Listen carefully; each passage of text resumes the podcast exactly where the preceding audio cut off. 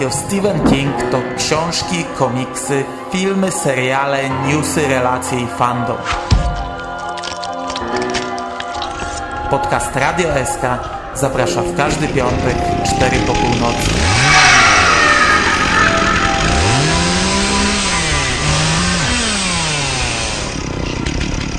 Wiadomości z martwej strefy.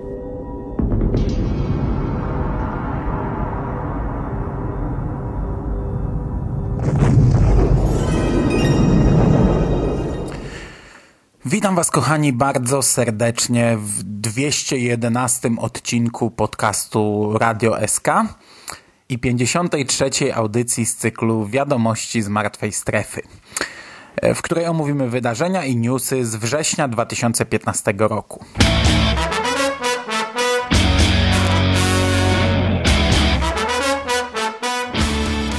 A we wrześniu no, wydarzyło się dużo. Wydarzyło się naprawdę dużo i obawiam się, że czeka nas kolejne bardzo długie podsumowanie.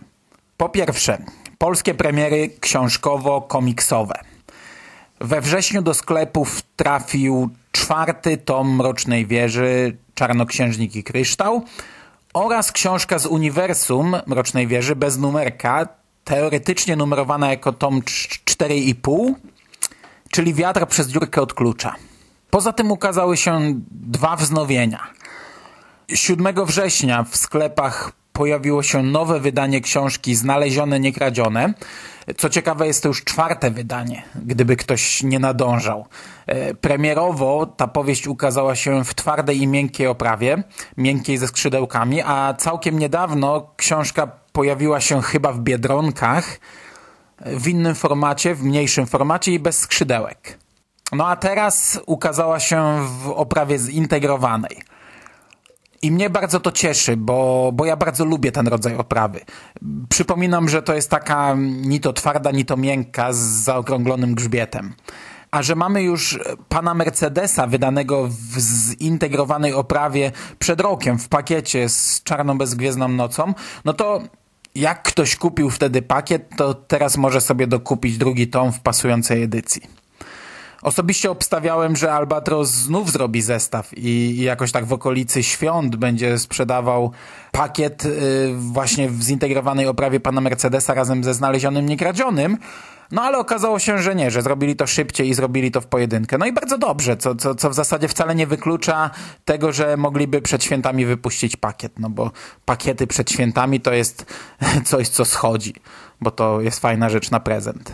Poza tym teoretycznie chyba dzisiaj ale na stówę nie wiem, no bo to miało być już 2 października, zresztą tak naprawdę nie wiem, kiedy zmontuję ten podcast. Ukaże się wznowienie książki Worek Kości z filmową okładką, czyli teoretycznie 9 października ukaże się ta książka. Na temat samej okładki ja jeszcze się nie wypowiadałem, bo Albatros opublikował ją we wrześniu, nie bardzo rozumiem, dlaczego promują tę książkę akurat filmem, bo jest to filmowa okładka. E, filmem, który no, nawet nie wiem, czy leciał w Polsce w jakiejś telewizji. Pewnie wydawca kierował się tym samym, czym kierował się w przypadku wydanej rok temu Czarnej Bezgwiezdnej Nocy z okładką filmowego Dobrego Małżeństwa, które po pierwsze też nie jest jakimś filmem super, po drugie też chyba wtedy jeszcze nie miało polskiej premiery, a no stawiam, że kierował się tym, że te filmy mają po prostu świetne plakaty. Pozwolę sobie nawet powiedzieć, że w obu przypadkach plakaty są lepsze od samych filmów. Na okładce Worka Kości mamy dziewczynkę zatopioną w jeziorze, piszącą palcem na froncie właśnie filmu bądź książki, to zależy co zdobi ta okładka, piszącą napis tak na takiej jakby zaparowanej szybie Beware the Lake. E, I to jest bardzo fajna grafika. Ale po raz kolejny w moim odczuciu okładkę trochę psuje liternictwo Albatrosa, e, którego ja nie znoszę. A tutaj dodatkowo gryzie się właśnie z napisem na okładce i robi się taki lekki chaos. Znaczy ja nie twierdzę, że to jest zła okładka bo ona i tak bardzo mi się podoba. Po prostu można to było zrobić jeszcze lepiej.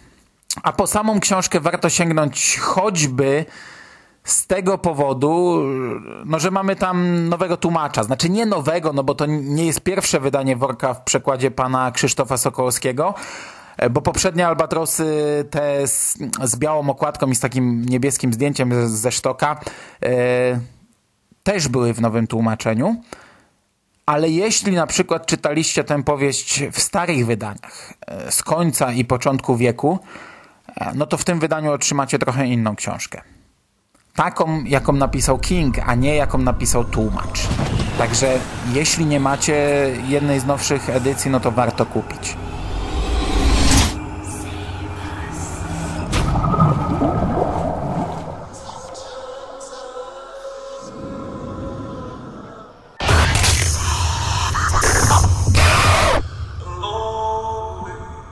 Oprócz tego wreszcie ukazał się przekładany latem komiks e, Siostrzyczki Zeluri.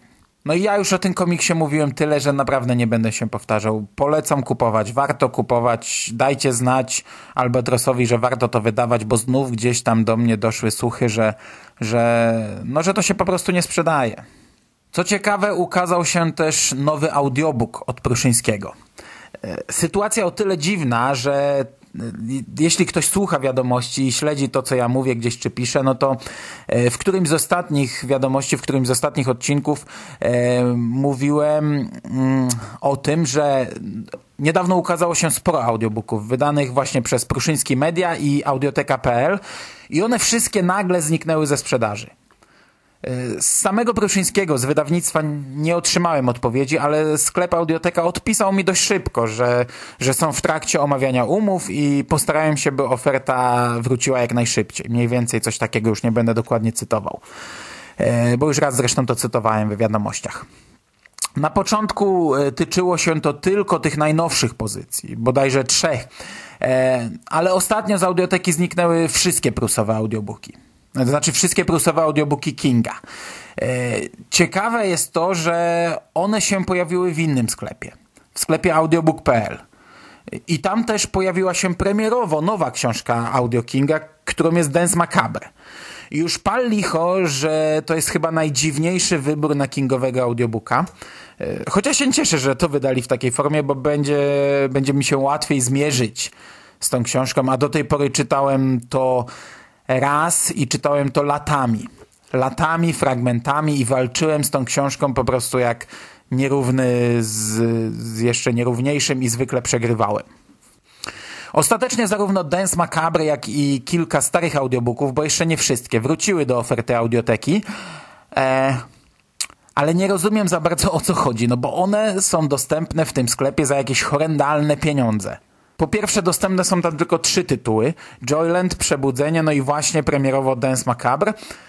A po drugie, tak jak Dance Macabre w sklepie audiobook.pl kosztuje 33 zł i 30 groszy, tak w audiotece, która jest przecież jeden z wydawców tego produktu, trzeba zapłacić 57 zł 90 groszy. No to jest kolosalne przebicie.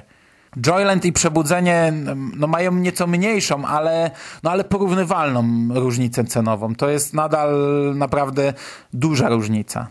I nie mam pojęcia, dlaczego to tak wygląda. Psz, nie mam pojęcia naprawdę. Natomiast w temacie szczegółów dotyczących Dance Macabre, to książka trwa 20 godzin i, i no 20,5 godziny i czyta ją Maciej Więckowski. Yy, no więc zmienił się lektor, no bo przypominam, że do tej pory książki od Pruszyńskiego czytał Krzysztof Plewako-Szczerbiński. Wydawnictwo Pruszyński Media i Audioteka.pl przedstawiają. Stephen King Dance Macabre. Przełożyli Paulina Breiter i Paweł Ziemkiewicz. Czyta Maciej Więckowski i to tyle, jeśli chodzi o tytuły, które się ukazały. No a poza tym w najbliższym okresie, w październiku, e, no już na dniach, ukażą się cztery kolejne książki. Cztery kolejne pozycje, bo będzie tam też komiks. 9 e, października, czyli w zasadzie teoretycznie dzisiaj, do sklepów trafi bądź trafiła e, Mroczna Wieża, tom piąty, Wilki Skala.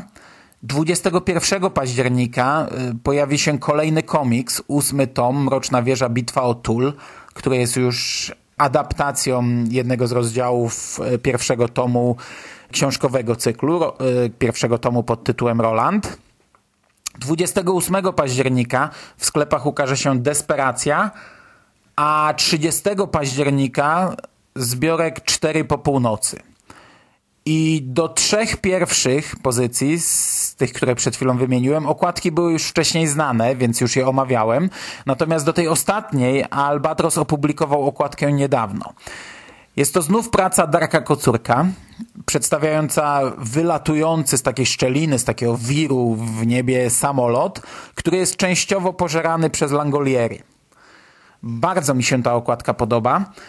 Co ciekawe, lekko zmieniono też tytuł. Przypominam, że pierwotny tytuł dawno, dawno temu brzmiał Czwarta po północy, co było bez sensu. Jakkolwiek by tego nie rozpatrywać. Patrząc na tytuł dosłownie, to taka forma świadczy, że mówimy o czwartej godzinie po północy, no a tak się zwyczajnie nie mówi. Innej interpretacji ten tytuł nie miał w takiej formie i ja pamiętam, że już w wieku 16 lat, y, podczas mojego pierwszego kontaktu z tym zbiorem, jego tytuł wydał mi się po prostu bez sensu. Mm, kilka lat temu pan Andrzej Kuryłowicz zmienił tytuł na Cztery po północy. Y, co, co, co miało bardzo dużo sensu, zarówno y, gdyby rozpatrywać go pod kątem godziny 12.04, jak również traktując go jako zapowiedź czterech opowieści do czytania po północy. Cztery po północy. Wtedy jednak tytuł był pisany przy pomocy cyfry, czwóreczki, a teraz jest pisany słownie, no i to jest ta zmiana. Mm, i to wygląda ładniej. To wygląda ładniej, do tego jest fajna okładka, no nic tylko kupować. Dodatkowo, mm, i widzę, że dzisiejsze wiadomości zostaną zdominowane przez polskie zapowiedzi, no pojawiło się całe mnóstwo nowych okładek przyszłych wznowień. Naprawdę od cholery zapowiedzi. E, skoro jesteśmy już przy Darku, przy Darku Kocurku, no to we wrześniu Albatros opublikował jeszcze dwie zapowiedzi z jego okładkami. Pierwsza to są Oczy Smoka, mm, ze smokiem na okładce. E, według mnie super. Super okładka, choć zdania w necie były podzielone e, i, i raczej były skrajne. Mnie podoba się bardzo. Jest kolorowo, jest pstrokato, może trochę kiczowato, ale pasuje do książki, no i, no i mnie się to podoba. Jest to dużo ładniejsza grafika niż wcześniejsza okładka Darka z wieżą do tej samej książki. Natomiast Oczy Smoka ukażą się w sklepach 13 listopada, czyli troszeczkę później, czyli wspomnę o nich jeszcze za miesiąc. Przypomnę o tym, że trafią do sklepu w listopadzie. Natomiast e, drugą darkową zapowiedzią są regulatorzy. I dla mnie to jest kolejna świetna okładka. Widzimy na niej przestrzelone samochodowe lusterko boczne, w którym odbija się samochód Motoglin. Ponownie jest kolorowo, chociaż są to trochę inne, jest to i trochę inna paleta barw i ponownie, ponownie jest fajnie i ponownie pasuje to do książki. I ponownie liternictwo Albatrosa trochę się gryzie z, z całą grafiką, z całą okładką. No. A, a, a książka zapowiedziana jest na 20 listopada, czyli też o niej przypomnę jeszcze. I już na sam koniec. Już na sam koniec polskich zapowiedzi Albatros opublikował ostatnie dwie okładki cyklu Mroczna Wieża. I ja znów będę piał z zachwytów. Ta seria jest przepiękna. Przypominam, że tym razem autorem jest Vincent Chong. Okładka pieśni Suzana, no tak jak podejrzewałem, znów jest dość oczywista i znów nie idzie w symbolikę, tak jak pierwsze mm, tomy, a wali dosłownością i, i tradycyjnie przedstawia nam żółwia, a dokładniej fontannę z żółwiem. No i trochę to ludzie krytykowali, no bo w sumie nie wiem czemu. No ja, ja, bym, ja bym nie wiedział, jak inaczej zilustrować tę okładkę. Chociaż taki Darek Kocurek miał pomysł, gdy ukazywała się edycja z jego okładkami. Ale mnie ten żółw się podoba. Dla mnie ta okładka jest super. Natomiast chwilę później Chong zrobił grafikę do ostatniego, siódmego tomu pod tytułem Mroczna Wieża i będę monotematyczny, ale okładka jest przekozacka. Oczywiście widzimy na nim wieżę, no, no to, to, to, to jest akurat dość oczywiste moim zdaniem. Teoretycznie mogła być róża, ale motyw róży y, Chong wykorzystał już w trzecim tomie. No i tutaj nie dał nam nawet pola róż. Nie wiem czy dlatego, no ale tak zakładam. Wieżę widzimy jakby oczami stojącego przed nią Rolanda widziana jest z perspektywy osoby stojącej przed bramą i patrzącej w górę. I taki patent wykorzystano już kiedyś na pierwszym brytyjskim wydaniu, ale tam wieża przypominała jakąś dziwną, pokręconą skałę. Natomiast Chong wykorzystał dokładny książkowy opis Mrocznej Wieży i narysował to, co opisał King. Dodatkowo mamy też okno z witrażem z tęczy czarnoksiężnika, co rzadko pojawia się na grafikach przedstawiających właśnie Mroczną Wieżę. I ten element wypada tutaj super. Trochę może kuć w oczy takie czerwone, agresywne tło. Choć ja myślę, że, mm, że to jest po prostu taki zamiennik dla czerwonego pola róż, ale ja tam i, i, i w tym przypadku jestem na tak. Czerwonego tła jeszcze nie było i fajnie pasuje to do kompletu. I fajnie wyróżnia to ten ostatni siódmy tom. I ja nie mogę się doczekać, aż cała seria stanie na mojej półce, chociaż zaległości mi się nawarstwiają. I dla formalności przypomnę jeszcze daty. Szósty tom, pieśń Suzana, ukaże się czwartego, a ostatni tom 18 listopada. Natomiast piąty tom, tak jak mówiłem już wcześniej, powinien ukazać się dzisiaj, czyli 9 października. Tradycyjnie już e, same ilustracje i szkice okładek do Mrocznej Wieży znajdziecie w serwisie stevenking.pl, do którego podlinkuję pod audycją.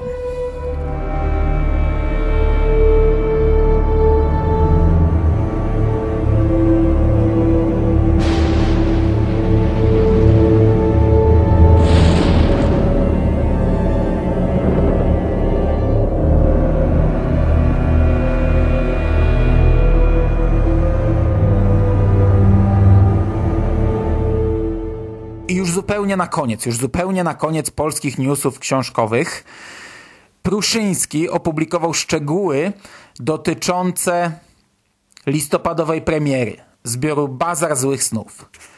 Cena okładkowa wynosi 44 zł. Książka ma 672 strony, no a tłumaczył Tomasz Wilusz.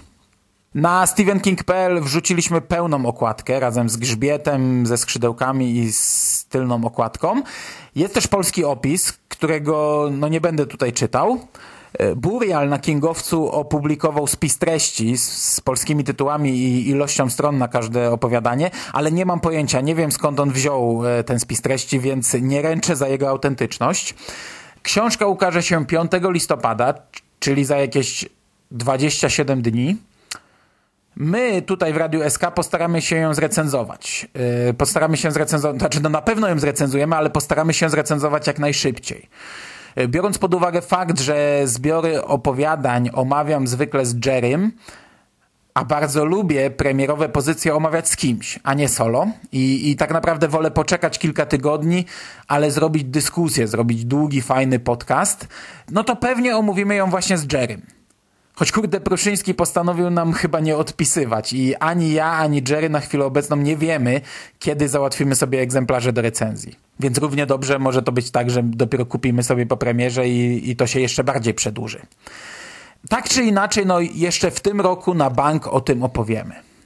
I to tyle, jeśli chodzi o książki, ale to tyle, jeśli chodzi o nasze książkowe podwórko. Na tym nie kończymy jednak bloku książkowego, a przechodzimy do newsów ze świata. Wydawnictwo PS Publishing zapowiedziało na październik kolejną książkę z rocznicowej edycji. Po Kerry, Christine, Cmentarzu Zwierząt i Chudszym przyszła pora na miasteczko Salem, które w tym roku obchodzić będzie 40-lecie pierwszej publikacji. E, ogólnie obecnie w Stanach wychodzą dwie rocznicowe serie limitowane i jak ktoś tego dokładnie nie śledzi, no to można się pomylić. E, bo swoje oddzielne cykle wydają wydawnictwo Cemetery Dance i właśnie PS Publishing. I aktualnie mówię o tym drugim. Wydanie Miasteczka Salem jest przepięknie zilustrowane, a autorem ilustracji jest Chris Baker. Książka będzie dostępna w dwóch edycjach. Ilustrowana wersja Gift Edition e, w etui z autografem ilustratora Chrisa Bakera, której nakład wynosi 974 egzemplarze, a cena to jest 70 e, funtów oraz druga edycja, ilustrowana wersja Deluxe Edition. Ona będzie w powiększonym formacie, w pudełku, z autografami autora wstępu Nila Gaimana, ilustratora Chrisa Bakera i Jamesa Hanna, odpowiedzialnego za opracowanie graficzne Chabuka e, z opowiadaniem strzemiennego, który ma być dokładany do tej edycji. Nakład książki wyniesie 26 egzemplarzy, a cena nie jest jeszcze znana, ale to jest kupa kasy, to jest kilka tysięcy dolarów. Tańszą wersję można już zamawiać na stronie wydawcy i co ciekawe zostanie ona podzielona na trzy tomy. Trzy tomy odpowiadające trzem częściom e, miasteczka Salem. Czyli e, Marston House i co zabawne wydawnictwo udostępniło grafiki okładek e, przedstawiające zarówno fronty, jak i e, wersje trójwymiarowe z grzbietem i, i, e, zaprezentowało je z dwoma literówkami. Na froncie mamy Marston House przez O, a na grzbiecie mamy Marston przez dwa N i jeszcze też przez O. Druga część to jest Imperator Procji Lodów, no a trzecia to Wymarłe Miasto. Każda książka będzie miała osobną obwolutę, a wszystkie zostaną umieszczone w dużym etui. E, ja, ja osobiście nie kumam idei dzielenia tego na trzy tomy, ale muszę przyznać, że okładki wyglądają przepięknie. I, i całe wydanie zapowiada się naprawdę super.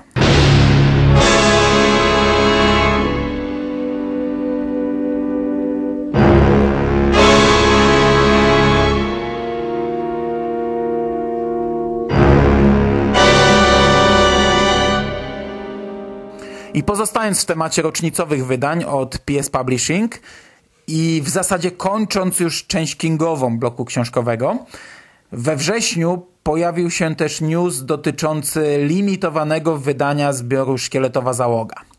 Przygotowanego tym razem na 30-lecie książki. O szczegółach tego wydania y, na stephenking.pl informowaliśmy w maju, a więc ja mówiłem o tym w czerwcowych wiadomościach z Martwej Strefy i dzisiaj nie będę się już powtarzał. Książka ukaże się w dwóch e, nazwijmy to edycjach, bo e, e, przy czym mówię o, o, czymś zupełnie innym niż w przypadku miasteczka Salem, gdzie to były dwa różne wydania. Tutaj chodzi mi o to, że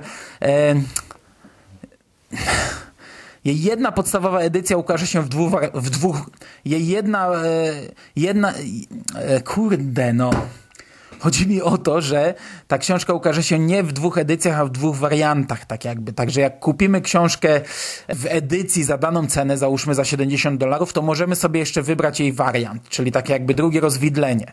A chodzi o to, że w przeciwieństwie do omawianego przed chwilą Salem, warstwa wizualna szkieletowej załogi była koszmarna i przez internet przelała się fala krytyki. I to nie byłby pierwszy raz, gdy wydawca limitowanych wydań ugiąłby się i dokonał zmiany. E, no tak było ostatnio w przypadku bodajże Lśnienia, do którego pierwszą wersję okładki zrobił chyba Gabriel Rodriguez, a ludzie wylali na nią wiadra pomyj i wydawca zmienił to na grafikę Vincenta Chonga. E, ja dokładnie nie pamiętam jak to było, ale całą sytuację gdzieś tam u siebie kiedyś opisał Burial na Kingowcu i jak kogoś to ciekawi, no to tam sobie poszukajcie. I to jest moim zdaniem zrozumiałe. No bo, no, no jasne, nigdy nie dogodzisz wszystkim, ale jak większość narzeka, że coś wygląda koszmarnie, a nie okłamujmy się, okładka i ilustracje do szkieletowej załogi wyglądają koszmarnie. E, no to w tym przypadku, kiedy ludzie płacą za mikro nakład dziesiątki, setki czy tysiące dolarów, to jest fajnie, jak nie dostają bubla. I, jest fajnie, gdy mogą wyrazić swoje zdania, a jest jeszcze fajnie, gdy mogą mieć jakiś wpływ na ewentualne podniesienie jakości, na ewentualne zmiany. W tym przypadku wydawca zaznaczył już dawno temu, że nie zrezygnuje z tego rysownika, ale może dokonają jakichś poprawek i we wrześniu opublikowali koszmarną pierwszą okładkę w lekko podrasowanej, choć nadal koszmarnej wersji oraz bardziej stonowaną okładkę alternatywną. Każdy zamawiający ma prawo wyboru. Wyboru jednej z dwóch wersji, jednej z jednego z dwóch wariantów. No i to jest fajne z ich strony, choć ta nowa okładka to, to jakoś przesadnie piękna, to ona też nie jest.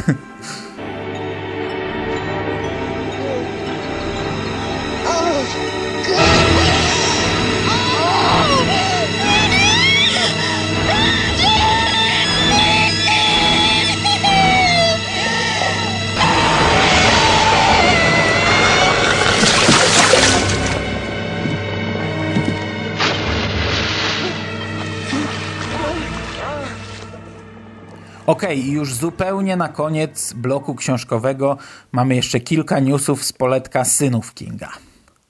Joe Hill poinformował, że jego następna powieść, The Fireman, będzie miała premierę w okolicach kwietnia, maja 2016 roku. Aktualnie autor kończy piątą serię poprawek. I to już jest chore. Ale dostaniemy książkę perfekcyjną, jestem o tym święcie przekonany. Na październik wydawnictwo PS Publishing, znów PS Publishing, o którym mówiłem przed chwilą, omawiając serię limitowanych rocznicowych książek Kinga. I na październik to wydawnictwo zapowiedziało specjalne wydanie książki Upiory XX wieku z okazji, jak żeby inaczej, jej dziesięciolecia. I będzie to wydanie ilustrowane przez kogóżby innego jak Vincenta Chonga. Oraz będzie to wydanie wzbogacone o wstęp Ramseya Campbella. Książka zostanie wydana w trzech edycjach.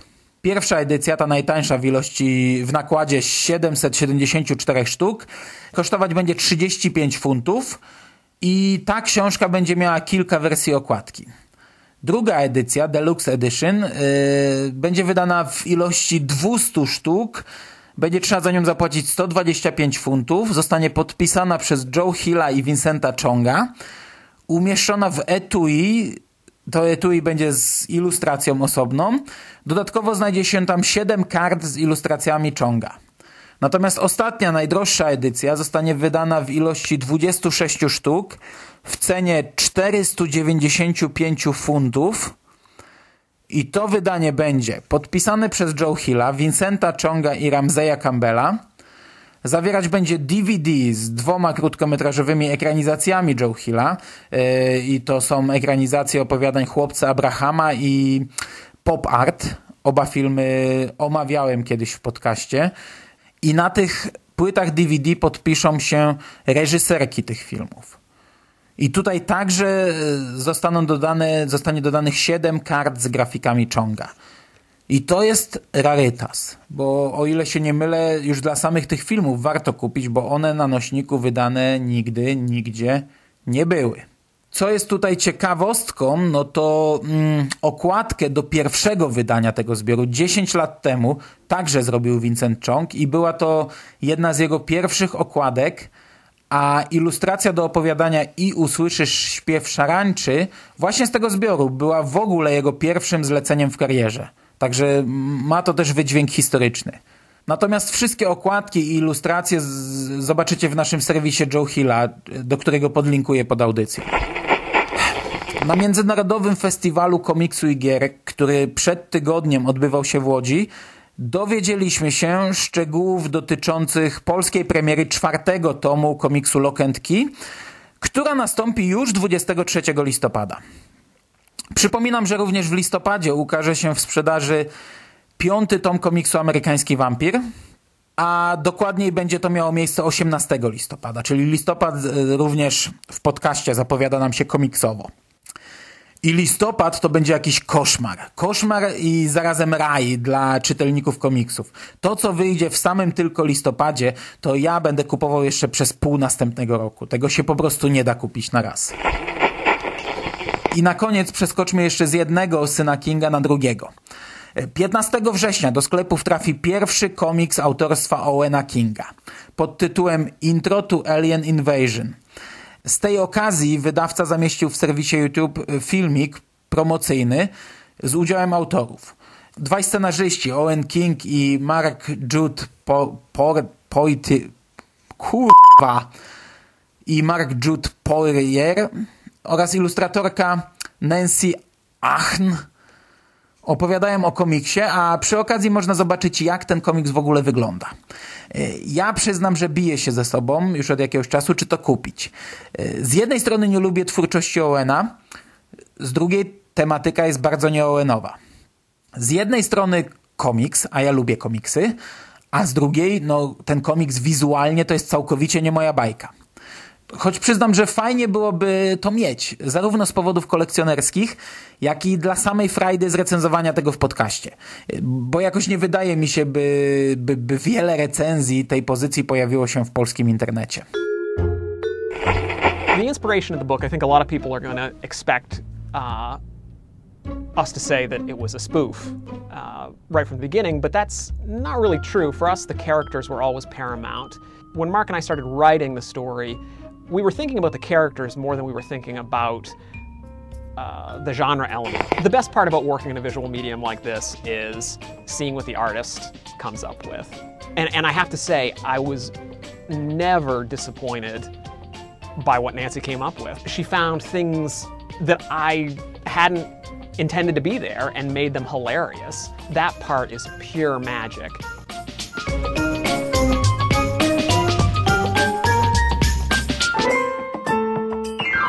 I to by było na tyle w temacie książek. Ludzie, to naprawdę nie wiem, czy był już kiedyś tak długi blok książkowy.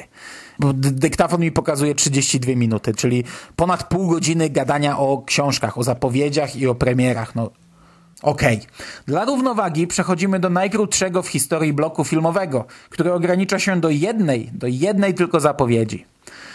W 2013 roku informowałem Was tutaj na łamach tego podcastu o planach na 10-odcinkowy serial oparty o ekranizację opowiadania Mgła.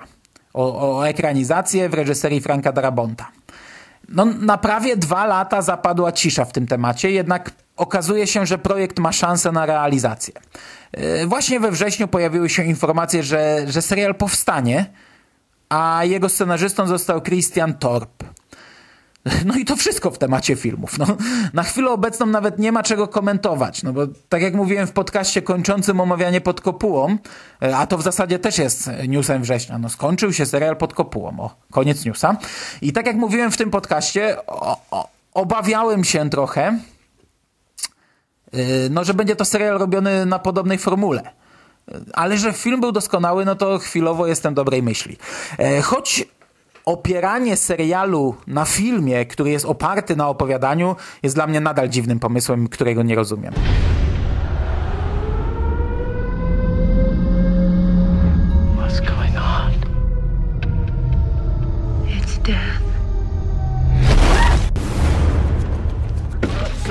In the mist! Shut the doors! Shut the doors!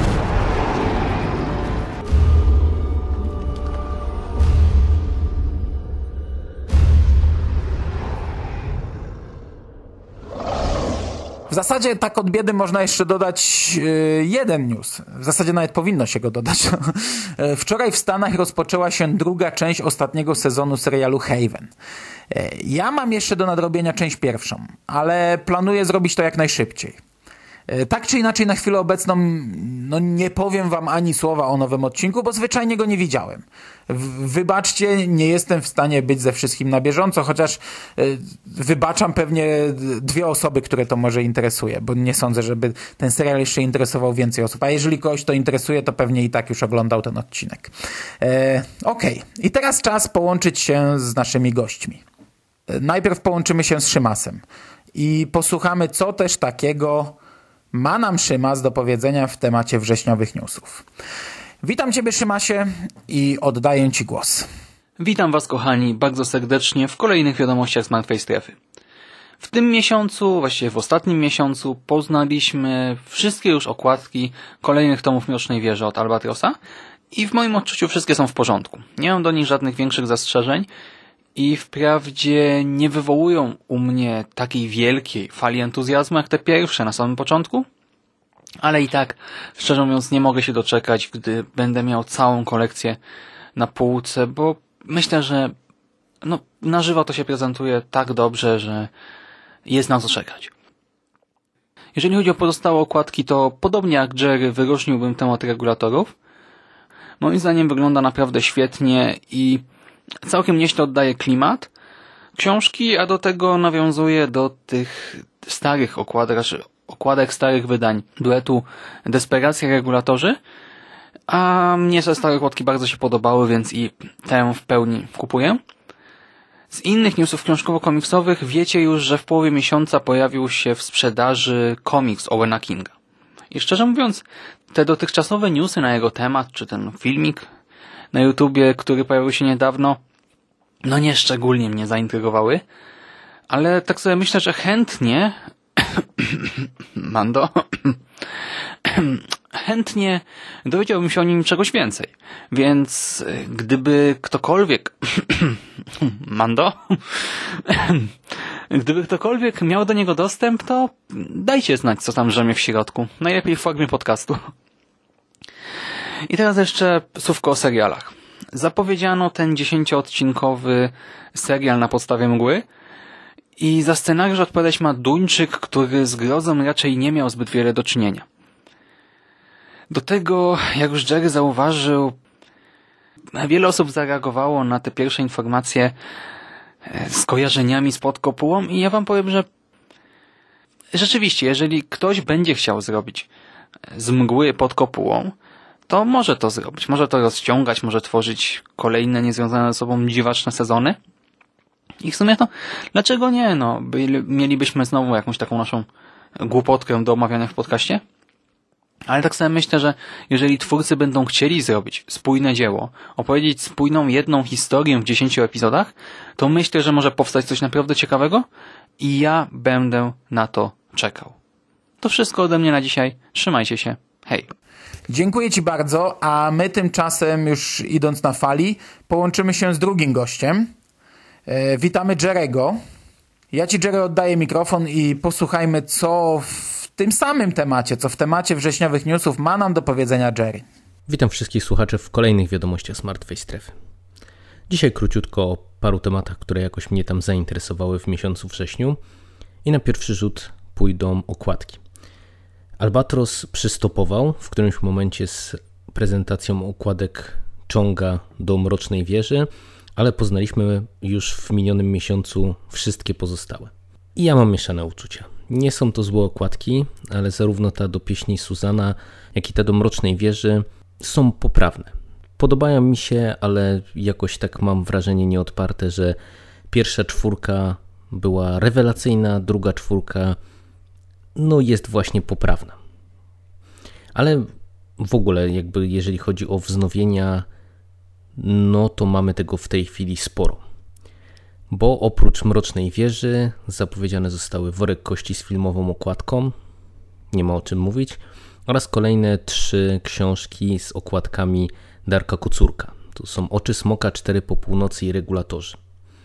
I powiem Wam, że jak zobaczyłem Oczy Smoka i Cztery po północy, to tak sobie pomyślałem, że mimo, że te prace Darka są i bardzo dobre, i bardzo interesujące, to jeszcze trochę i mi się najzwyczajniej w świecie opatrzą, bo zaczyna to troszeczkę mi się wszystko jakby zlewać stylistycznie. I kiedy o tym pomyślałem, to zobaczyłem okładkę do regulatorów i przyszło mi odszczekać wszystko, co pomyślałem chwilę wcześniej, bo choć na pierwszy rzut oka może to nie jest okładka, która zachwyca, to już za drugim podejściem ja jestem kupiony absolutnie. To jest jedna z moich ulubionych okładek autorstwa Darka. Strasznie mi się podoba. Fajnie wydaje mi się gra też z zawartością książki. No i myślę, że to jest świetna rzecz.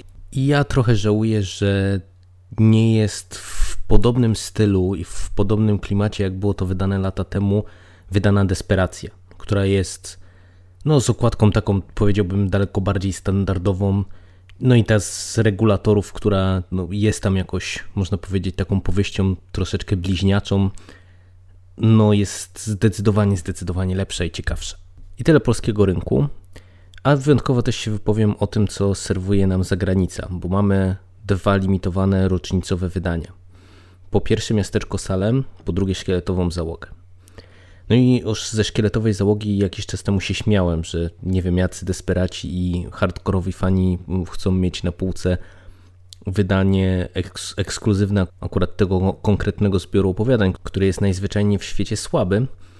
No a patrząc na okładkę, to mogę powiedzieć, że to są hardkorowi fani do chyba drugiej potęgi, bo ta okładka jest w moim odczuciu straszliwie lipna strasznie, strasznie kiczowata, strasznie jakoś tak e, źle mi się kojarząca. No ale być może to pasuje akurat do zawartości. I też nie przekonuje mnie to limitowane wydanie Miasteczka Salem. Pamiętam, że to poprzednie limitowane wydanie było świetne i tam to wypadło bardzo, bardzo dobrze i od strony takiej właśnie całego wyglądu, ilustracji, tak jak to było zrealizowane, no mnie to kupiło absolutnie. Tutaj no nie jestem jakoś przekonany. Jest to poprawnie, no od ciekawostka dla fanów i nic ponadto. Inne nieco nastawienie mam za to do upiorów XX wieku Joe Hilla, które strasznie mi się podobają, jeżeli chodzi o to, co tutaj dostajemy, o, o to limitowane wydanie na dziesięciolecie. Ilustracje robi Chong, okładki robi Chong i to są prace w jego stylu, ale bardzo fajne prace. Mi się to akurat bardzo, bardzo podoba I to jest taka rzecz, która myślę, że dla fanów to jest prawdziwa ciekawostka i prawdziwy redytas. Gdyby nie to, że w tej chwili mamy absolutny wysyp wszystkiego rodzaju publikacji i portfel mój już płacze cichutko w kąciku z tego powodu, to naprawdę poważnie bym się zastanawiał, czy, czy nie powalczyć o to limitowane wydanie. Teraz będą filmy, a raczej film, jedna zapowiedź, serial Mgła. Bo nie spodziewałem się, ale zapowiedziano serial na podstawie tej mini powieści czy opowiadania i z opisu brzmi to jak pod czyli jak proszenie się o porażkę. Absolutnie nie wiem, co jakby powoduje twórcami, że próbują sięgnąć po tę historię jeszcze raz, tym bardziej, że to, co zrobił Darabont, no było rzeczą świetną i nie wiem, czy naprawdę tutaj na ekranie telewizora jesteśmy w stanie dostać coś więcej i coś lepiej. No ale cóż, była moda na sequele, rebooty, remake'i, teraz mamy modę na serialowość i co, co, co i rusz, jakby jakieś tam znane i dobre filmy są zamieniane na seriale. Wypada to bardzo różnie. Tu po pierwszych zapowiedziach ja jestem bardzo umiarkowanie zainteresowany i to pomimo, a może właśnie dlatego, że film Darabonta bardzo mi się podobał. No i na sam koniec gratulacji na ręce ojca prowadzącego i współprowadzącego, ponieważ wystartował nowy StephenKing.pl po wielu zapowiedziach. No i przede wszystkim tutaj duże brawa za wkład pracy, bo zostały przeniesione cała zawartość strony, łącznie z całym archiwum na przykład newsów. I nie wiem ile to mrówczej pracy chłopaków kosztowało, więc tym większy szacun. Mi się strasznie podoba grafika Mariusza Gandzla. Świetna, świetna rzecz. I duże brawa za nowy wygląd strony, ładnie, przejrzyście. Duże, duże gratulacje. Ode mnie to wszystko. Dzięki i do usłyszenia. Dziękuję Ci bardzo, Jerry. No, przyznam, że wszystko na nowe SKPL jeszcze nie zostało przeniesione. Zostało kilka drobiazgów, na które nie miałem sił miesiąc temu, a wiedziałem, że to nas będzie tylko niepotrzebnie blokować. E, że bez sensu wstrzymywać ciągle start przez takie kilka drobiazgów, ale też obawiałem się, że jak wystartujemy bez tego, no to będziemy później to odkładać w nieskończoność, bo już nie będzie parcia. Już nie będzie, wiesz, nie będzie takiej potrzeby wrzucenia tego i faktycznie od miesiąca temat stoi w miejscu. Mnie również podoba się to, co zrobił dla nas Mariusz Gandzel. Dziękuję Ci, Mariusz, bardzo, jeżeli kiedyś tutaj trafisz i usłyszysz te słowa. Zresztą dziękowałem Ci już, no prywatnie nie, chociaż Cię widzieliśmy, ale na pewno, na pewno już Ci... Nie, prywatnie też Ci kiedy... Dobra, nie było tematu. E, niestety w chwili obecnej strona nie działa na telefonach ale postaramy się to naprawić do końca roku, bo strasznie mnie to wkurza, bo, bo, sam często korzystam z internetu e, przez telefon. Tak czy inaczej, ja jestem naprawdę bardzo zadowolony. Nie mogę się napatrzeć na tę stronę. No, okrutnie cieszyłem się, jak ona wystartowała bardzo e, cieszyło mnie pozytywne przyjęcie, no bo wiecie, zwykle gdy strona w internecie zmienia e, wygląd i funkcjonalność, to leci fala jadu i plucia i, i, i wszyscy krytykują, a, to, to, no, ale u nas to jest w sumie oczywiste. No, stare Stephen King.pl było już tak do dupy, że tutaj każda zmiana zostałaby odebrana pozytywnie i naprawdę bardzo pozytywnie to zostało przyjęte. No poza tym, e, tym że nie działa na urządzeniach mobilnych, co, co tak jak powiedziałem mnie też strasznie boli.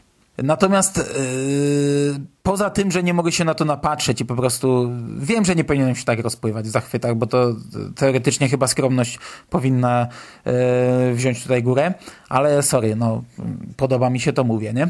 Ale poza tym, że to mi się tak podoba, no to wygoda umieszczania newsów jest po prostu tak duża, że wy sobie tego po prostu nie wyobrażacie, jaką przyjemnością jest dla nas teraz robienie tej strony.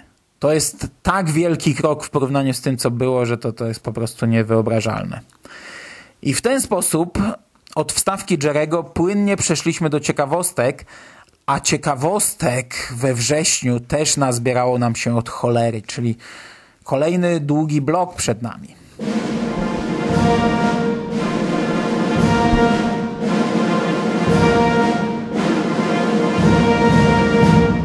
Ladies and gentlemen, the President of the United States and Mrs. Michelle Obama.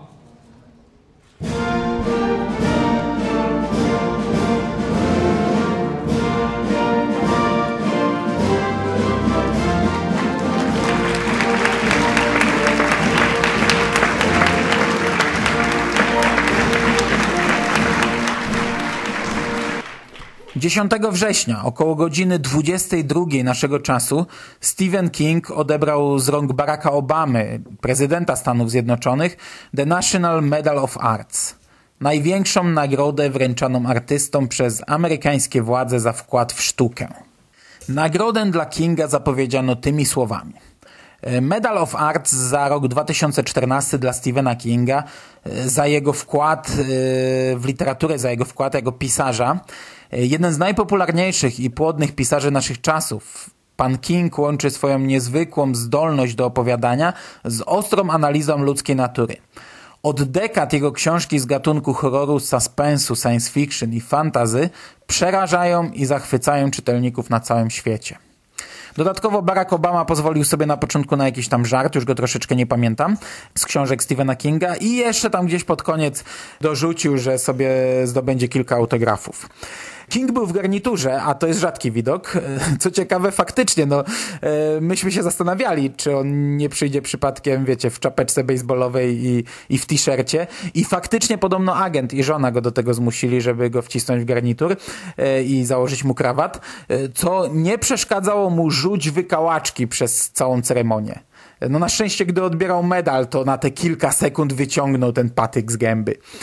Inna sprawa, że sala w Białym Domu też nie wyglądała, też nie prezentowała się wyjściowo. Obok przejścia stała jakaś drabina, nie wiem kto ją tam rozstawił.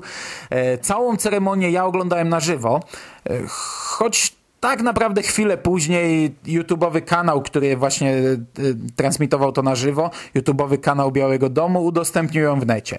Można to sobie obejrzeć, to nie jest długa ceremonia. No, to jest w końcu najważniejszy człowiek Ameryki, a nawet najważniejszy człowiek świata, więc on ma dużo do roboty, więc musiał się streszczać. Więc no, przyjął medal i wraca do pisania kolejnych książek. the men and women that we honor today, recipients of the National Medals for the Arts and the Humanities, uh, are here not only because they've shared rare truths often about their own experience, but because they've told rare truths about the common experiences that we have uh, as Americans and as human beings. Uh, they span mediums and methods. We have artists, actors, writers, musicians, historians, a landscape architect, and a chef. Uh, without them, there would be no edible schoolyard, uh, no Jhumpa Lahiri novels, no really scary things like Carrie and Misery. Stephen King.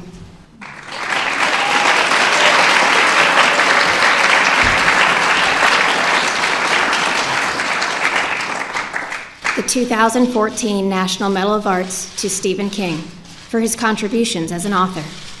One of the most popular and prolific writers of our time, Mr. King combines his remarkable storytelling with his sharp analysis of human nature.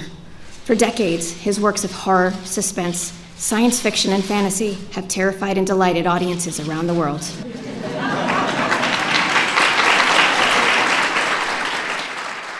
Dzień później Stephen King był gościem programu The Late Show with Stephen Colbert. Rozmowa dotyczyła strachu i tego, jak można uwielbiać kogoś, kto straszy. Również oczywiście dyskutowano o odznaczeniu. Stephen King miał medal na szyi i sobie trochę pożartowali na ten temat. Oraz o odbiorze książek przez krytyków. Na YouTubie znalazł się słabej jakości zapis całego występu. To było kilka minut tak naprawdę, ale z tego co widzę ten link jest już martwy. No pewnie można go gdzieś znaleźć gdzieś indziej, ale nie mam czasu teraz, by szukać i linkować. Jak ktoś jest zainteresowany, to sobie sam znajdzie. Zachował się natomiast fragment występu w dobrej jakości, który podlinkuję. You scare the hell out of me. Can I have a hug? So, you know, I've become sort of America's teddy bear with little daggers or something. Well- I, I can't figure it out. I mean, it's, it's kind of masochistic, but hey, it pays the bills. You know what I'm saying? That's nice. Yeah. And Well- not only that, Yeah? I got a little bling from President Obama yesterday. That's true. W internecie pojawiły się też dwie zapowiedzi wideo tego wydarzenia. Pierwszą krótszą obejrzycie na facebookowym profilu programu, a druga z występem samego Kinga jest do obejrzenia na YouTubie. I to są bardzo fajne filmiki, naprawdę polecam.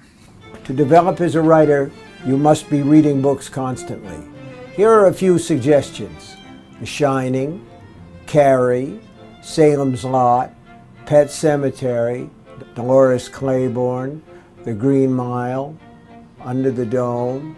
You get the idea.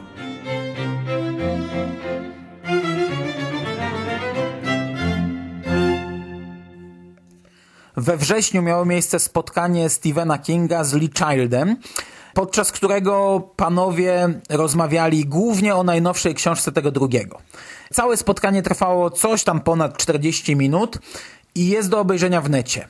Natomiast chwilę później pojawiła się zapowiedź kolejnego eventu w tym stylu, a dokładniej 19 stycznia 2016 roku w Neil Center for the Performing Arts of State College na Florydzie odbędzie się spotkanie ze Stephenem Kingiem i Johnem Grishamem. Bilety na to wydarzenie mają kosztować 150 dolarów, a podczas spotkania uwaga ma być skupiona głównie na Grishamie. King ma pełnić funkcję prowadzącego rozmowę.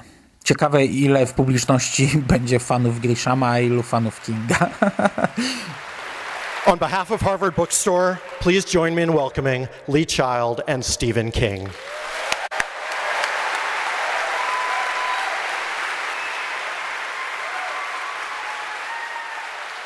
I wrote a novel called Under the Dome, and uh, it's uh, not necessarily to be confused with a TV show, but I did.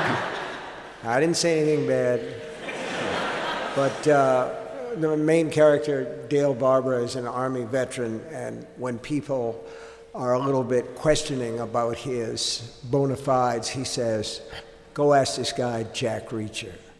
W oficjalnym sklepie Stephena Kinga, który troszeczkę się zmienił, nie wiem czy on się w zasadzie nie przeniósł w inne miejsce, pojawiło się mnóstwo, mnóstwo y, gadżetów. To są koszulki, y, kubki, podkładki pod myszy, zapalniczki, cuda. Y, dużo różnych nadruków, kilka nawet całkiem fajnych.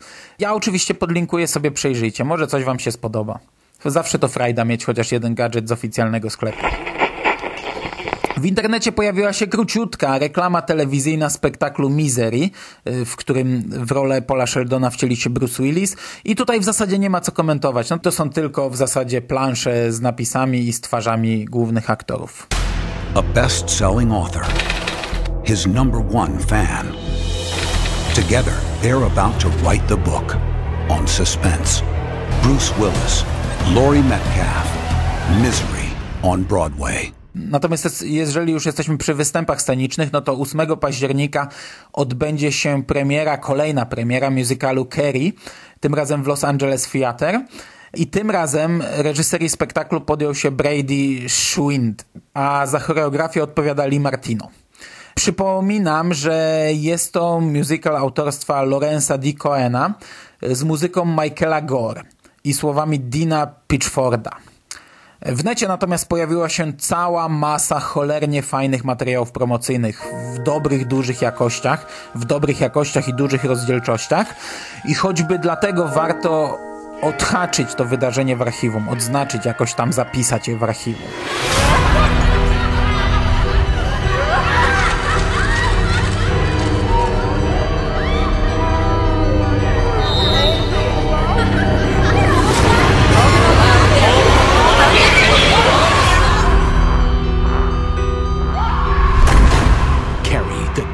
Musical experience begins October 1st for a limited engagement. Tickets available on experiencecarry.com. Okej, okay, i na koniec jeszcze yy, wypada wspomnieć, że 21 września Stephen King obchodził swoje 68 urodziny. E, no, nigdy tu nie trafisz człowieku, nigdy tego nie posłuchasz, ale wszystkiego najlepszego. Cieszę się, że cały czas jesteś z nami i mam nadzieję, że jeszcze naście, kilkadziesiąt 20 lat pożyjesz i dla nas popiszesz. Dzięki. I ja również tym pozytywnym akcentem żegnam się z wami, drodzy słuchacze. Wyszedł mi bardzo długi podcast, to znów będzie grubo, grubo ponad godzina, ponieważ teraz oddam głos skórze, a skóra będzie mówił i mówił. Bo skóra tradycyjnie zrobi nam nasz tutaj malutki podcastofon, e, czyli omówi i jakoś zbierze do kupy wszystkie podcasty, które nagraliśmy we wrześniu. Przez my mam na myśli nasz mały konglomerat, naszą małą grupę. Ja, Skóra, Jerry, e, Szymas, e, i tego jest bardzo dużo, tego jest bardzo dużo. To podliczył Jerry, wyszło chyba 15 podcastów, czy nawet może więcej, co po podliczeniu dało kilkanaście godzin. To jest jak mały audiobook. We wrześniu po prostu poszaleliśmy. I dzięki Bogu ja już nie muszę tego omawiać, bo 40 parę minut, prawie 50 minut samego mojego mówienia, bez wstawek chłopaków, to już jest wystarczająco na dzisiaj dla mnie. Ja to jeszcze będę musiał zmontować. Dzięki Bogu jest ktoś taki jak nasz Żarłok, który teraz to dla nas omówi. Ja się z wami żegnam, a głos oddaję Żarłokowi i zapraszam wszystkich do posłuchania wrześniowej, podcastowej wstawki podsumowującej. Witam cię, Skóra, i oddaję ci głos.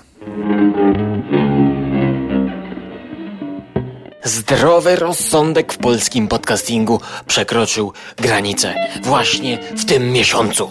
Zaczynamy podsumowanie podcastowe od tyłu, od końca.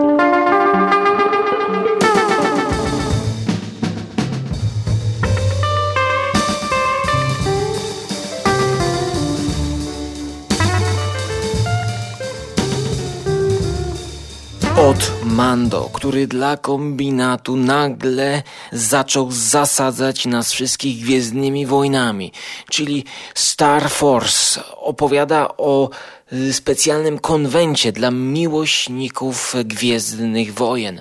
Można tam usłyszeć na przykład marsz, marsz Imperium w wykonaniu orkiestry Dentej. Brzmi to ciekawie. Musicie tego posłuchać. Również legendy Star Wars i Cienie Imperium. Komiks, komiks. To jest już poziom wyżej. Ja już tam nie sięgam. Ja, ja, ja, ja już, ja już, ja już wysiadam. To jest dla, dla fanów, dla geeków Gwiezdnych Wojen. Ale Moje seriale. Część pierwsza. Lato 2015. Mando zaczyna nowy sezon. Właściwie cały serial. Seriale to on omawia. Ale zaczyna nowy, nową serię. Wreszcie, wreszcie znalazłem to słowo. Nową serię, w której omawia pokrótce, jakby na forum się wypowiadał, seriale o, które oglądał. I również Mando zaprasza innych podcasterów, żeby współtworzyli serię, moje seriale, kolejne części, żebyśmy mieli wszyscy taki zbiór seriali, jakie oglądają podcasterzy. Podobnie, ponownie, podobnie, podobnie. Tak jest, po raz drugi znalazłem to słowo, ciągle gubią mi się słowa, nie wiem, chyba za mało jem orzechów. Podobnie tak jak ja zapraszałem do filmów wakacyjnych, ale tego podcastu nie ma. Ale jest dalej Mando w kombinacie, bardzo dużo w kombinacie. Musicie wchodzić na kombinat, najlepiej polubcie kombinat na Facebooku, to wszystkie now nowości będą Wam od razu wyskakiwać. Tam również jest kanał RSS. No widzicie, yy, nigdy nie wiadomo, kiedy kombinat wypuści jakiś ciekawy podcast. Dlatego bądźcie czujni i polubcie ich. Polubcie ich, bo tam również coś dla fanów fantastyki. Czyli Mando bierze się za uniwersum Metro. Czyli radziecka fantastyka e, zapoczątkowana w Rosji, która rozprzestrzenia się e, po całym świecie i również dotarła do Polski. Napisana książka przez Pawła Majkę, Dzielnica obiecana. E, fabuła tej książki rozgrywa się w Krakowie, tak więc e, no, warto, warto przynajmniej posłuchać. E, ciekawostka, ciekawostka, chyba coś, co może zainteresować nie tylko fanów metra. Również Mando omówił mruwańcze czyli połączenie szarańczy z mrówkami. Można się dowiedzieć z tego podcastu, czym jest ta mruwańcza. No i tutaj polecam, polecam posłuchać. I to są krótkie podcasty, bo teraz będzie coś znacznie dłuższego. Czyli podcast urodzinowy Carpe Noctem, w którym gości Agnieszka, Paweł Mateja, Szymas i Jerry, o którym e, wspominałem ostatnio. Mm, oni tam rozmawiają, jak piszą recenzje, jak nagrywają podcasty. To jest taki y, troszkę meta podcast o podcastingu, o nagrywaniu, o samym serwisie Carpe Noctem. Dalej, Karpiowy Podcast i Graham Masterton. Duch Zagłady. Jest to fragment prozy Mastertona czytany przez Jerego. A jako, Jerry, a jako, że Jerry ma klimatyczny głos i dobrze brzmi, to myślę, że no fajnie by było, gdyby, gdyby jakiś zgłosił się wydawca do niego i, i przeczytał nam całą książkę Grahama Mastertona spokojnie. Drzwi zamknijcie te drzwi, Grahama Mastertona spokojnie, z chęcią bym posłuchał w wykonaniu Jerego.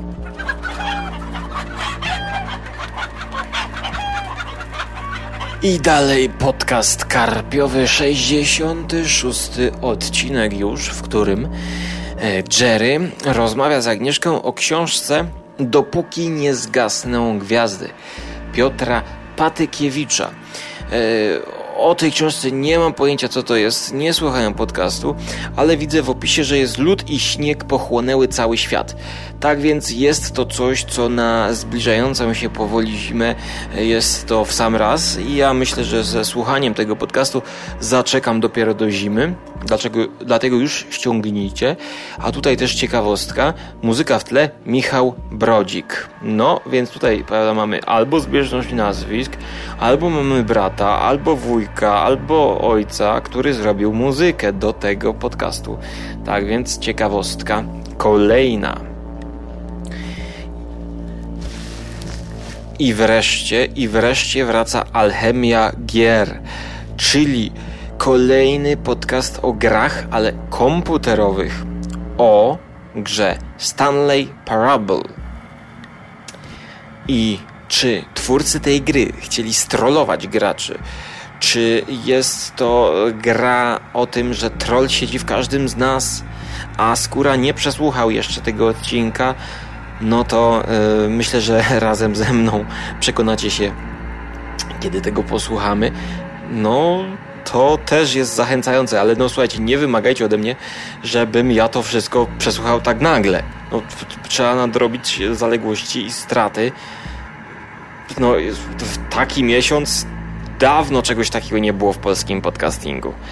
Przynajmniej zahaczającym o grozę i Jerry. Przechodzimy na jego stronę, na jego bloga jerrystales.blogspot.com, gdzie zaprosił Mando i tym razem już w duecie dyskutują sobie o y, komiksie nowym Star Wars Gwiezdne Wojny Skywalker atakuje. No ja już tutaj właśnie już niestety, niestety aż tak bardzo zaangażowany w Gwiezdne Wojny nie jestem, ale oczywiście podcast jest już ściągnięty i czeka, czeka na odsłuchanie, no ale no, jakby no, nie jestem w stanie e, ocenić, bo a, a, aż za takie geekowskie rzeczy nie, nie, nie sięgam, nie, nie, nie, nie czytam, ale warto jest sobie tego posłuchać, żeby zobaczyć, co tam w trawie piszczy, bo mm, Egmont Egmont wznawia, wznawia wydawanie Star Warsów. Ja podejrzewam, że w Stanach Zjednoczonych to oni tam, nie wiem, co tydzień mogą sobie kupić nowe jakieś, czy to gazetkę, czy komiks, czy książeczkę związaną ze Star Wars. No ja tak strzelam, że no Stany, no to co tydzień. A w Polsce, no jakieś tutaj długie przerwy, no oj, oj, niedobrze, niedobrze. No i właśnie dobrze, że teraz to wraca Star Wars. Fani powinni mieć, móc wydać pieniądze i trzeba zaspokoić swoją żądzę posiadania. I swoją żądzę posiadania setnego odcinka zaspokoił Jerry. Wreszcie, znaczy wreszcie, właściwie to tak nagle, udało mu się dobić do setki podcastów i w związku z tym nagrał autotematyczny podcast okolicznościowy o początkach nagrywania, o tym dlaczego wziął się za mikrofon i że Radio SK głównie i Skóra pierwszy go zaprosił do Radio SK i dzięki nam tutaj, prawda, możemy teraz słuchać gwiazdy internetów, proszę bardzo. Bardzo nas to cieszy i bardzo się cieszymy, że Jerry nagrywa nadal i mamy nadzieję, że będzie nagrywał i że jeszcze coś więcej, że jeszcze będzie wciągał kolejnych ludzi. Miejmy nadzieję, że podcasting będzie się rozszerzał. No i, no i, no i same plusy z tego, tak więc zapraszam do słuchania. Koniecznie posłuchajcie, jeżeli lubicie Jerego i jego takie, takie plotkowanie, takie bajdurzenie, bajanie. A jeżeli lubicie takie ostre, mocno doprawione pieprzem i kary dyskusje, to no oczywiście musicie posłuchać wreszcie. Wreszcie jest. Przechodzimy do Szymasa, prawda? To jest dopiero gwiazda. To jest dopiero mistrz, mistrz po prostu polskiego internetu w ogóle. No, to po prostu nie jesteśmy godni, żeby nawet go słuchać. Ale, no, przemódźmy się. Jednak, jednak ściągnijmy te podcasty i posłuchajmy tych Necropolitan Podcast, bo to, co się wydarzyło w tym miesiącu, to jest po prostu coś trudnego do opisania, ale spróbujmy. Spróbujmy powolutku i po małym kęsie tak liznąć takiego ślimaczka i tak ugryznąć taką żabkę. Czyli w podcaście Żaby i Ślimaki, atak zwierzęcych potworów, rozmawiamy sobie z Szymasem o Animal Attack w wykonaniu takim bardzo minimalistycznym. No, takie malutkie, takie malutkie żabki i malutkie ślimaczki, potworki, zwierzęta atakują. Yy, polecam odcinek. Yy, ja tam chyba więcej się śmiałem niż yy, mówiłem. Może te pozytywne emocje przeniosą się i na Was i ta audycja Was trochę rozśmieszy. Dalej, Necropolitan z Bedwulfem, swoim dobrym znajomym, kontynuuje omawianie maratonu grozy, do których ja się sceptycznie bardzo nastawiam i tym chętniej słucham tego. Słucham tego. No i przekonuję się, że jednak jaja, to są jaja, co się dzieje na tych maratonach, wilkołacze taśmy i taśmy Watykanu. Jak ja słuchałem o tych taśmach Watykanu, no to rzeczywiście jest kabaret, kabaret, no bo jeżeli ten tancerz występuje w taśmach Watykanu i, i takie skojarzenie podczas oglądania tego show następuje, no to, no to są żarty niezłe. No i Szymas oczywiście dobrze to wykorzystuje, przeprowadzając wywiad z jednym z aktorów. Musicie tego posłuchać. A także Necropolitan taki giercowaty, czyli gra, pla, nie planszowa, gra komputerowa Gone Home. Ethan Carter. Właściwie dwie gry. Jedna polska, druga już nie pamiętam jaka. Tutaj Szymas opowiada o takich grach dosyć specyficznych, powolnych, stawiających na klimat. I właściwie Szymas bardzo zachęca do tego, żeby sięgnąć po grę. No ja już dawno, dawno nie grałem, ale powiem wam, że to mnie zachęca. No, z chęcią bym wszedł w ten świat, który tam został opisany, tego Itana Cartera albo Gone Home. No już patrzcie, no już zapomniałem. No, jakoś tak zainteresowanie i moja pamięć do gier komputerowych, odkąd e, sięgnąłem po planszówki, maleje, maleje, maleje. Ale Szymas to pobudza, pobudza to niczym jakieś, jakieś dobre, dobra yerba albo jakaś mocna biała herbata jeżeli Szymas nadal będzie tak regularnie nagrywał i jeżeli jeszcze uruchomi kanał YouTube, gdzie będzie publikował podcasty, to ja myślę, że nie tylko yerba będzie mu potrzebna, jemu będzie potrzebne już nie wiem, no, już nie chcę zapeszać. I teraz pamiętajcie, że to był przegląd od końca. Od końca, czyli od ostatniego, od najnowszego odcinka do pierwszego. Bo teraz najważ... przechodzimy do najważniejszego punktu dzisiejszego programu. Przygotujcie się, przygotujcie się, przygotujcie się, przygotujcie się, ponieważ to, o czym powiem, to jest po prostu. No, no właściwie no nie mamy słów, żeby opisać to, co się wydarzyło, ponieważ wreszcie udało się polskiemu podcasterowi, dokładnie Szymasowi, wespół, wespół, tego nie można odmawiać, że również Michał Rakowicz tam był w tym samym pokoju studiu i oni się komunikowali przez internet, najnowszy wynalazek używali mikrofonów najwyższej klasy. Jerry, Jerry rozmawiał z Szymasem o książce, najnowszej książce Łukasza Radeckiego pod tytułem Horror klasy B. Uff, dajcie mi złapać oddech. Dajcie mi złapać oddech.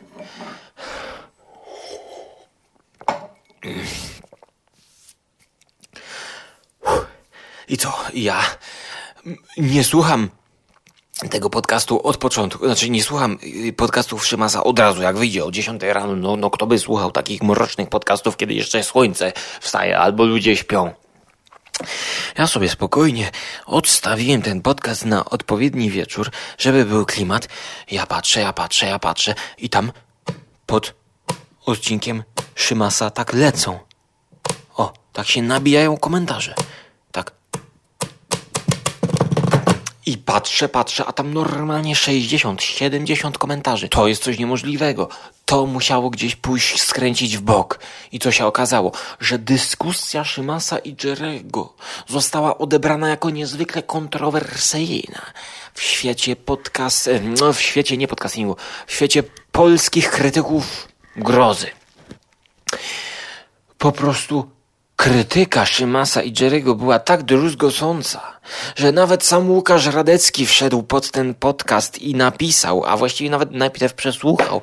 I dowiedzieliśmy się, że Łukasz Radecki to nie lubi słuchać w ogóle mowy, kiedy ta mowa nagrana jest na MP3. Tak więc w ogóle takiej rzeczy się dowiadujemy, że no wszystko dzięki Necropolitan Podcast. W dodatku Jerry napisał bardzo wyczerpujący artykuł na swoim blogu Jerry's Tales, gdzie nie ma już tam audio, ale też powinniście wejść i zgłębić temat, przeczytać te opinie i następnie zobaczyć wysyp komentarzy. Jaki to zapoczątkowało? Dyskusja międzyplanetarna. Natomiast w świecie grozy, no to był, był taki kopniak, kopniak w dupę, że o, jejku, jejku, jakiś dwóch ludzi siedzi za mikrofonami, nagrywają w ogóle, robią z siebie idiotów, jakieś tam wstawki, przebierają się za tych, za egzorcyzmy, robią w ogóle jakieś słuchowiska, nagrywają w ogóle, co to jest? Oni w ogóle wypowiadają się i oni mają prawo tutaj krytykować? Oni mają w ogóle, w ogóle skąd oni się wzięli? Jeden facet z Łodzi, drugi nie wiadomo skąd. W ogóle, w ogóle jak to może być? Musimy tam skomentować, skrytykować. Ale też, też, też były takie mm, merytoryczne komentarze, to trzeba przyznać, że dyskusja była ciekawa, aż się chciało napisać cokolwiek. Tak więc przede wszystkim uspokójmy się i y, posłuchajmy audycji o horrorze klasy B, który ja nie czytałem, czytać nie zamierzam, a nie czytam, a nie zamierzam czytać, bo nie czytam polskiej grozy, a nie czytam polskiej grozy, bo nie zamierzam e, czytać polskiej grozy, no głównie dlatego, że nie zachęca mnie. No nie zachęca mnie. Ja nie dzielę e, jakby grozy na to, czy ona jest polska, chińska, jugosłowiańska czy czechosłowacka. Po prostu jeśli jakaś książka by mnie zaciekawiła, no to bym chciał ją przeczytać. Natomiast horror klasy B mnie nie zaciekawia. Ja wiem, że to jest błędne koło, na przykład, że no, gdybym przeczytał, to może by mnie zaciekawiło. No, ale na przykład Grabińskiego nie czytałem, a Grabiński mnie zaciekawia, tak? Stanisław Lem książki, którego nie czytałem, zaciekawiają mnie. No i niestety tutaj, e, niestety, niestety, e, Szymas odciekawił mnie z Jerrym i ja tego nie chcę czytać, aczkolwiek doceniam ten pomysł, który jest w audycji Szymasa przedstawiony, czyli horror klasy B, taka antologia nawiązująca do starych horrorów, takich może troszkę lata 80., pozbierane do kupy, ale do takiej kupy niezbyt apetycznej, takiej kupy śmierdzącej, e, której no, nie chcielibyśmy degustować. W przeciwieństwie do podcastu i do całej wrzawy i dyskusji, jaka rozgorzała. No było długo, było dużo, było tego materiału sporo. Pokrótce omówiłem, czasami gdzieś liznąłem i trzeba powiedzieć, że nie ma sensu słuchać dłużej tego podsumowania, tylko zabrać się za bardziej merytoryczne audycje i po prostu słuchać sobie do poduszki czy do jakiegoś obiadku. Tutaj teraz widzę, że 63 komentarze, z czego oczywiście większość to Jerry i Szymas, no oczywiście żartuję.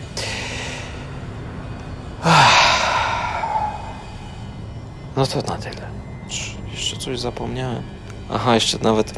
Aha, o żarłoku zapomniałem. No dobra, jest tam jakiś nowy odcinek o KFC dla facetów, piwko diesel lech. No. To przeleciliśmy, to chyba najdłuższe podsumowanie, no, prawie 20 minut. No to cóż. No to do usłyszenia w kolejnych audycjach. Trzymajcie się ciepło i do usłyszenia, do zobaczenia. Cześć i czołem.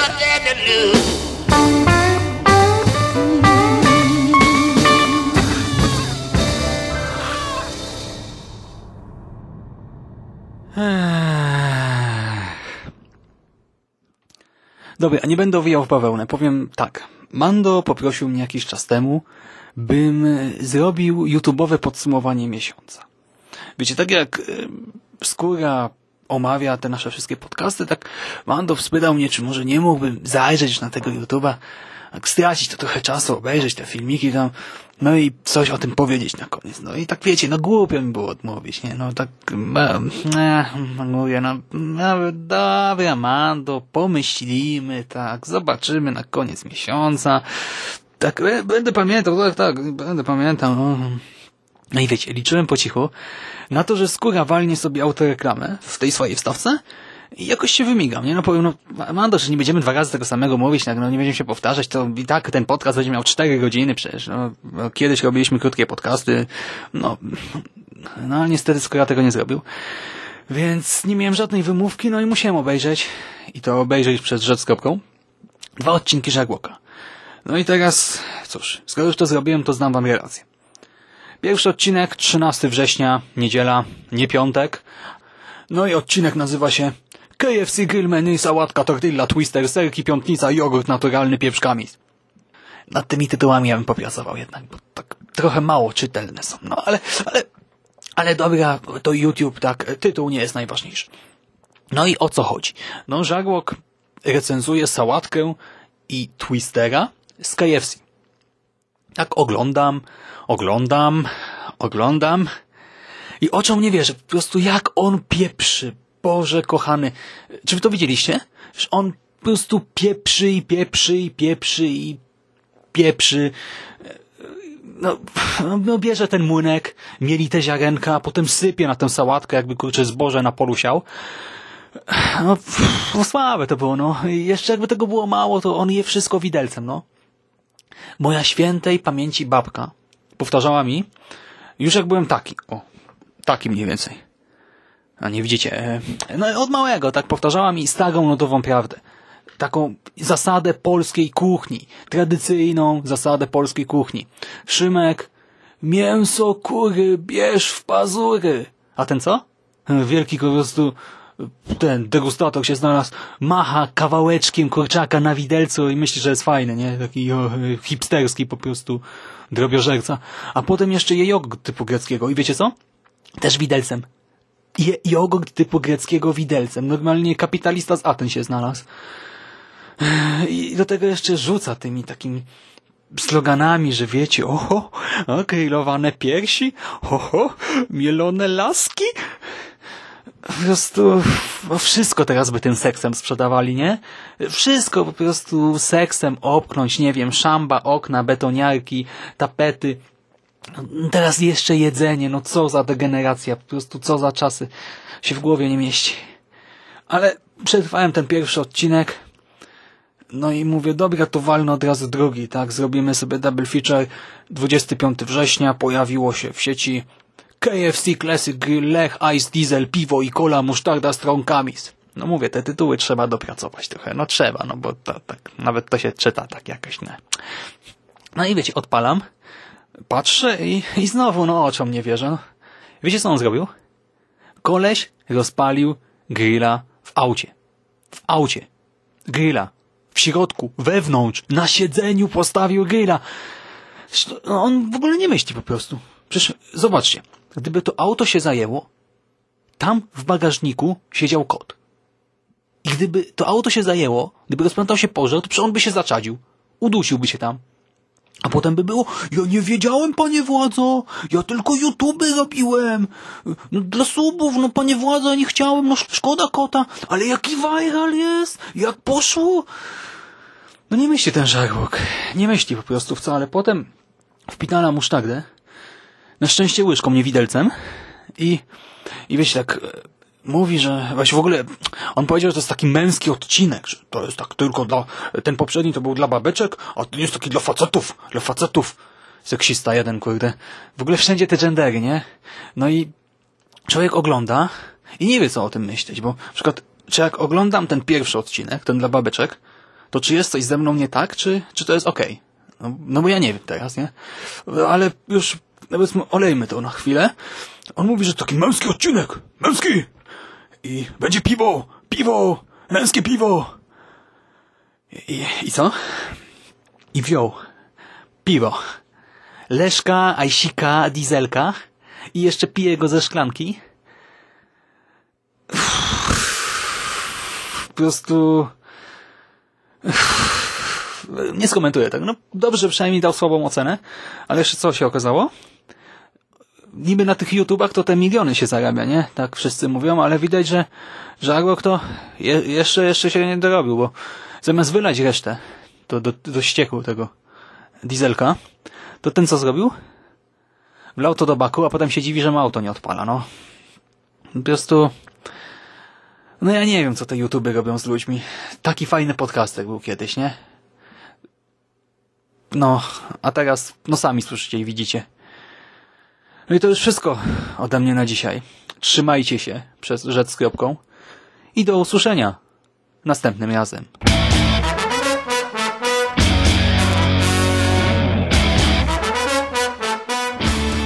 A już za tydzień w kolejnym odcinku Radia Stephen King Witamy serdecznie w 212 odcinku podcastu Radio Stephen King. Dzisiaj spotykamy się w większej grupie. Jest ze mną Jerry. Witam Ciebie, Jerry. Witam Cię, Mando. Jest z nami znów Randall. Witam Ciebie, Randall. Witam wszystkich ponownie. A skoro mamy Randala, no to łatwo się domyślić, że wracamy do tematu Mrocznej Wieży. Dzisiaj natomiast na warsztat bierzemy drugi tom cyklu Mroczna Wieża, czyli Powołanie Trójki.